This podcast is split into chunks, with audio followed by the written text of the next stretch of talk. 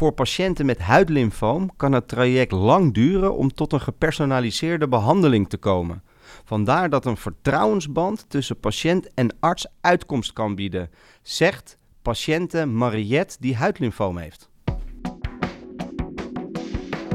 Welkom bij de podcastserie van Daisy Medical Partners, waarin Maarten Lefevre in gesprek gaat met artsen, patiënten en patiëntverenigingen om met elkaar te streven naar een optimale kwaliteit van leven voor patiënten. Vandaag praten we met uh, artsonderzoeker Sava Najid uit het LUMC en patiënt Mariette Goodschmidt. Beide zijn actief betrokken bij de stichting Huidlymfoom. En we bespreken verschillende vormen van huidlymfoom, hoe symptomen tijdig herkend kunnen worden en hoe een adequaat diagnosetraject eruit hoort te zien. En uiteraard bespreken we ook hoe de Stichting Huidlymfoom patiënten vertegenwoordigt. Uh, dames, allereerst uh, van harte welkom. Wat, uh, wat fijn dat jullie er zijn vandaag bij ons in de podcaststudio in Haarlem. Safa, kan jij in het kort vertellen wat huidlymfoom nu precies is en ja, wat voor invloed uh, huidlymfoom heeft op de kwaliteit van leven van patiënten? Primair uh, cutane lymfomen of huidlymfomen is dus een verzamelnaam voor verschillende vormen van kanker. Die ontstaan uit bepaalde type afweercellen, namelijk de lymfocyten.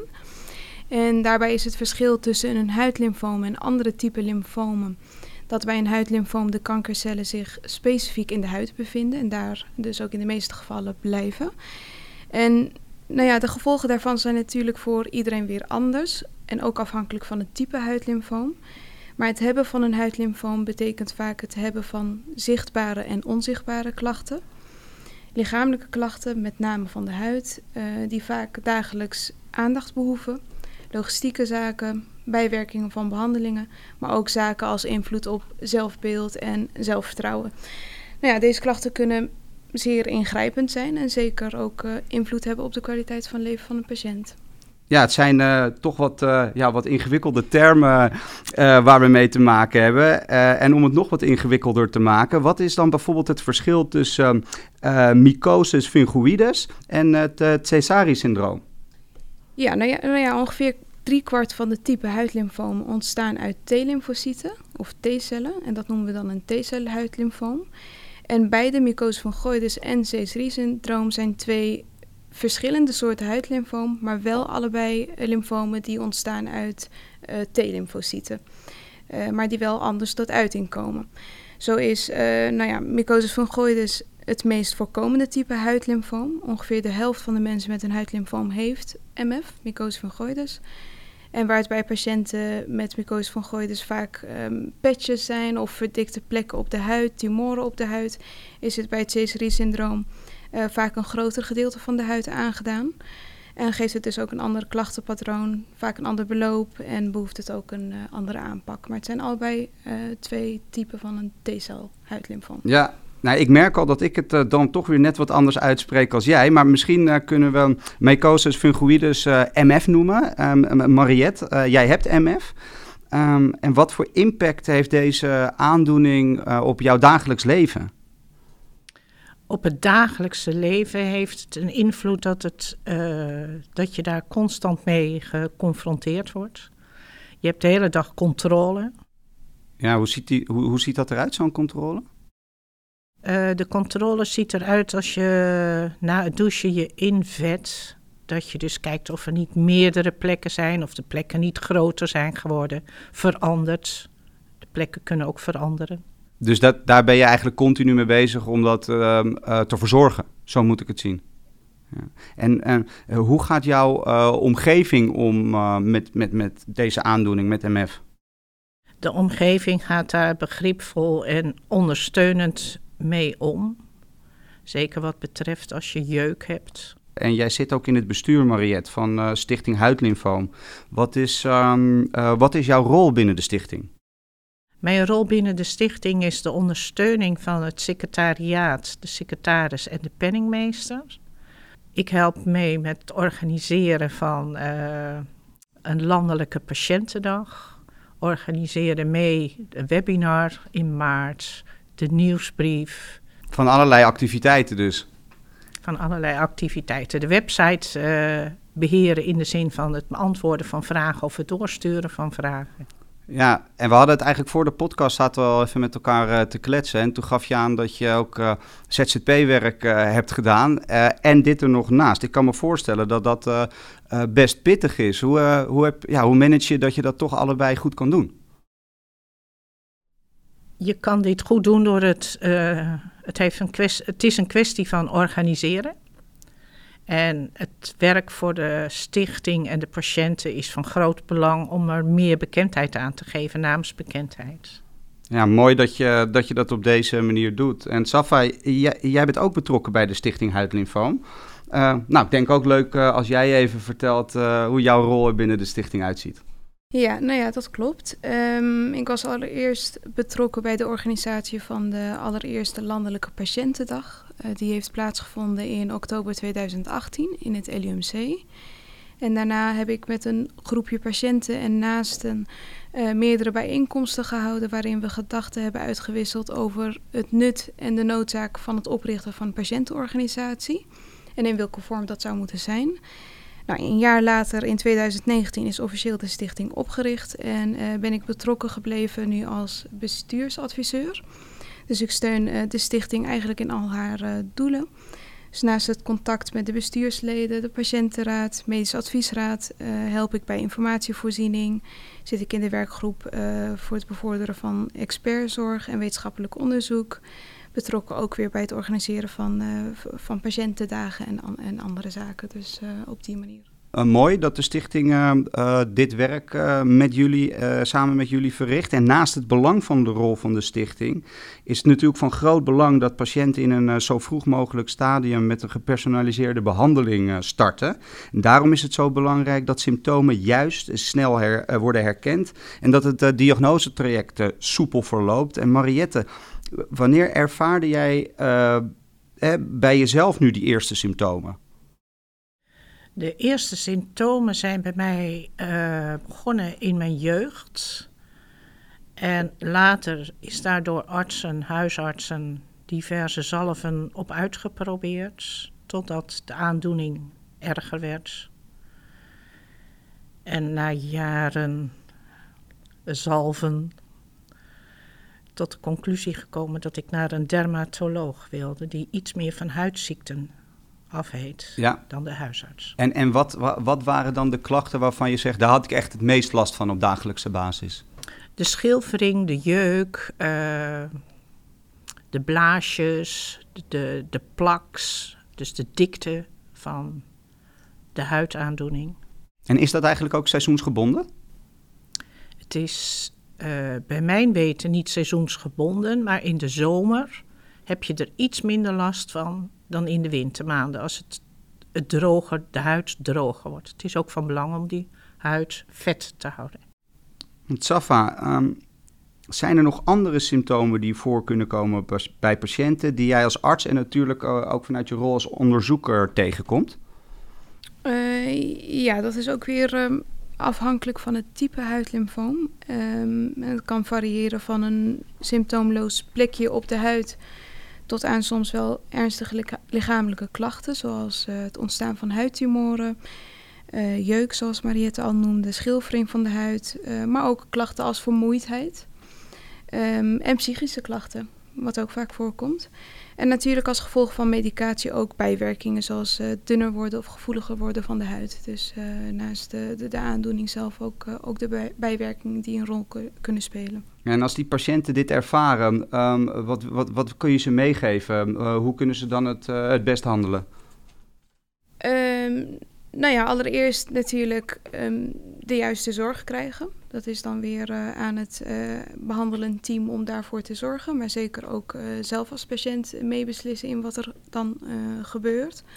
Maar ook um, ja, zorgen uiten of um, vragen aan de behandelend arts of huisarts of er andere middelen of therapieën zijn die de klachten kunnen verminderen. Dus niet alleen de huidklacht zelf of de huidaandoening, maar ook de bijkomende klachten.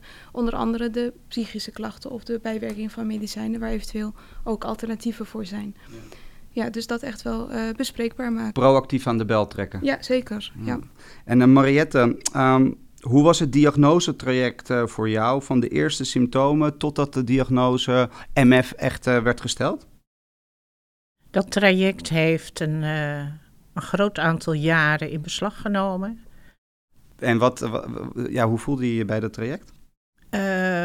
een vervelend traject is het, doordat je niet weet wat je hebt en steeds moet blijven smeren met allerlei zalven. Ja, en, en ehm, eh, ik kan me voorstellen, hè, dat merk ik ook, dat dat toch uh, daadwerkelijk echt wat met je doet. En uh, hoe, heb je überhaupt in die tijd begeleiding gehad? in dat traject met de huisarts is er geen begeleiding. Wel met het traject met de dermatoloog. En met de dermatoloog is van groot belang dat je daar een vertrouwensband mee hebt. En Safa, um, waarom is het um, uh, belangrijk dat een diagnose in een vroeg stadium wordt vastgesteld? Misschien is het een beetje een open deur, uh, maar ik denk voor de patiënt toch wel, goed om dat nog even te benadrukken. Omdat een huidlymfoom een zeldzame ziekte is, wordt de diagnose huidlymfoom soms gemist of pas laat gesteld. En veel huidlymfomen zien, in een vroeg, uh, zien er in een vroeg stadium hetzelfde uit als bijvoorbeeld een eczeem of een andere goedaardige aandoening. En daardoor wordt het vaak gemist. Ik denk dat het ontzettend belangrijk is om de juiste diagnose te stellen en ook vroegtijdig. Daar zijn meerdere redenen voor. Um, vroegtijdig ontdekken is vaak ook eerder de juiste behandeling inzetten. Maar ook een verklaring voor klachten die patiënten ervaren en meer duidelijkheid over prognose en wat patiënten kunnen verwachten. Dus patiënten weten dan eerder waar ze aan toe zijn en uh, worden geloof ik dan ook beter begeleid in dat traject. Ja, en, en, zeg maar het diagnosticeren van T-cel-lymfoom. Uh, um, stel, als dat, dat traject nog verbeterd uh, zou moeten worden, uh, waar, zouden, waar liggen er volgens jou nog verbeterpunten? De verbetering ligt in meer bekendheid. Zoals Mariette al noemde, is het natuurlijk een zeldzame ziekte. Dus artsen, ook, ook dermatologen die er weinig mee te maken hebben gehad tijdens hun opleiding, die weten er wat minder over of die hebben het minder vaak gezien. Waardoor ze ook weer pas later op het idee komen dat het mogelijk een huidlymfoom uh, betreft. Um, nou ja, wij doen zeker in het LMC ook onderzoek uh, dat gericht is op het uh, vroegtijdig diagnosticeren van een T-cel-lymfoom. Daar ben ik bijvoorbeeld zelf ook bij betrokken.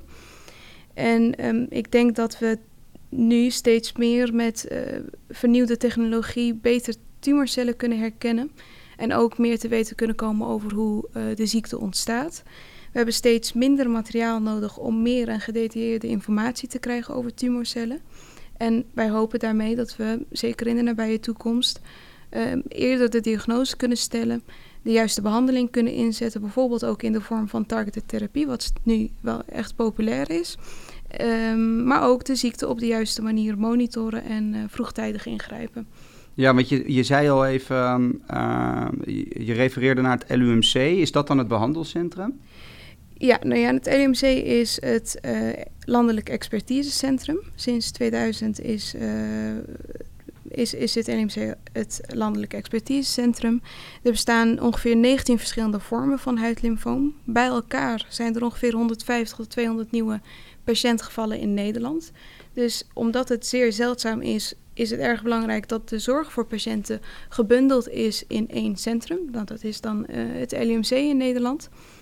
Um, en dus zorg voor de patiënt, maar ook wetenschappelijk onderzoek en op nationaal en internationaal uh, niveau ook uh, betrokken bij uh, allerlei ja, onderzoek en, en richtlijnen en klassificatiesystemen. En zijn er dan in Nederland ook nog andere centra of plekken waar verschillende vormen van T-cel lymfoom behandeld kunnen worden? Of is Leiden de enige, de enige plek? Ja, nou ja, het, het Leiden is wel het expertisecentrum. Maar um, in principe kunnen alle, zeker medisch centra in Nederland, ook uh, patiënten uh, verzorgen. En dat, dat doen ze ook. Dus een deel van de patiënten worden in andere ziekenhuizen gezien. Er kan uh, laagdrempelig overleg plaatsvinden met het LUMC als dat nodig is. drie, vier keer per jaar is er ook een multidisciplinair overleg waarbij alle medisch centra aan, aan deelnemen. En het komt ook vaker voor dat patiënten bijvoorbeeld maar één keer worden gezien in het LUMC of voor een korte periode. En daarna uh, weer terugverwezen naar een eigen uh, perifere ziekenhuis of huisarts waar de behandeling dan kan worden voortgezet of controles kunnen plaatsvinden. Dus in principe in alle ziekenhuizen en laagdrempelig contact indien dat nodig is. Want je, je, je, zei net al iets over uh, targeted therapy, um, gepersonaliseerd behandelen. Uh, waarom is dat voor um, uh, T-cel-lymfoom zo, zo ontzettend belangrijk dat het op die manier gebeurt? Ja, T-cel-lymfoom of huidlymfoom in het algemeen. We komen natuurlijk steeds meer te weten over kanker, waaronder dus ook over T-cel-lymfomen. Um, en hoe meer we weten, des te meer we ons realiseren dat iedere patiënt anders is. En patiënten met hetzelfde type T-cel-lymfoom bijvoorbeeld, hoe zeldzaam het type ook is, kunnen toch een ander beloop hebben en anders reageren op therapie. En we zetten dus steeds vaker ook gerichte therapie in. Een therapie dat echt past bij de patiënt en ook uh, de tumorcellen die de patiënt dan heeft. En ook worden steeds vaker de individuele voorkeuren van de patiënt meegenomen. Dus dat is dan gepersonaliseerde zorg, uh, dat toegespitst is op de biologische kenmerken, maar ook de persoonlijke situatie en de wensen van de patiënt. En dat maakt behandelingen effectiever. Prachtige ontwikkeling, uh, denk ik, voor uh, deze toch zeer kwetsbare patiëntengroep. Um, nou, dames, we komen aan bij uh, het laatste onderdeel van, uh, van deze podcast. En um, dan vragen we altijd een aantal tips en tricks die patiënten mee kunnen nemen om ja, hun eigen zorg te verbeteren of de kwaliteit van leven te verbeteren. Um, Mariette, heb jij voor de luisteraar nog een afsluitende tip met betrekking tot het leven met huidlymfoom ja, en het daarbij behorende zorgtraject? Je kunt invloed als uh, patiënt uitoefenen door uh, gesprek aan te gaan met je arts, waar je vertrouwen in hebt. Ja, ik denk dat dat, uh, dat, dat een, een heel goed begin is voor patiënten. En Safa, voor jou, ja, welke afsluitende tip heb je voor patiënten als het gaat om communicatie met een dermatoloog, een, een huisarts of een verpleegkundig specialist? Ja, ik ben het eens met Mariette. Dus het is denk ik erg belangrijk om een klik te voelen allereerst met de behandelend arts. Uh, maar ook het behandelend team te vertrouwen, zoals uh, Mariette dat al net uh, noemde. Het gevoel te hebben laagdrempelig vragen te kunnen stellen. Dus dat is dan de communicatie met, met het team. mee te willen en kunnen beslissen. zorgen te kunnen uiten. Dus ja, kortom, maak dingen bespreekbaar en uit, uit dat wat, wat er in je zit. Ja, nou, dat zal voor iedereen ook weer op zijn of haar eigen manier moeten gebeuren. maar heel goed uh, om dit mee te geven aan de patiënten. Dames, ontzettend bedankt. Ik vond het een erg uh, leuk gesprek. Uh, fijn dat jullie zijn gekomen, ondanks het prachtige weer. En hopelijk tot, tot een volgende keer. Ja, bedankt. Dankjewel. Deze podcast is financieel mogelijk gemaakt door Kiowa Kirin. De hierin besproken meningen en ervaringen zijn afkomstig van de geïnterviewde persoon.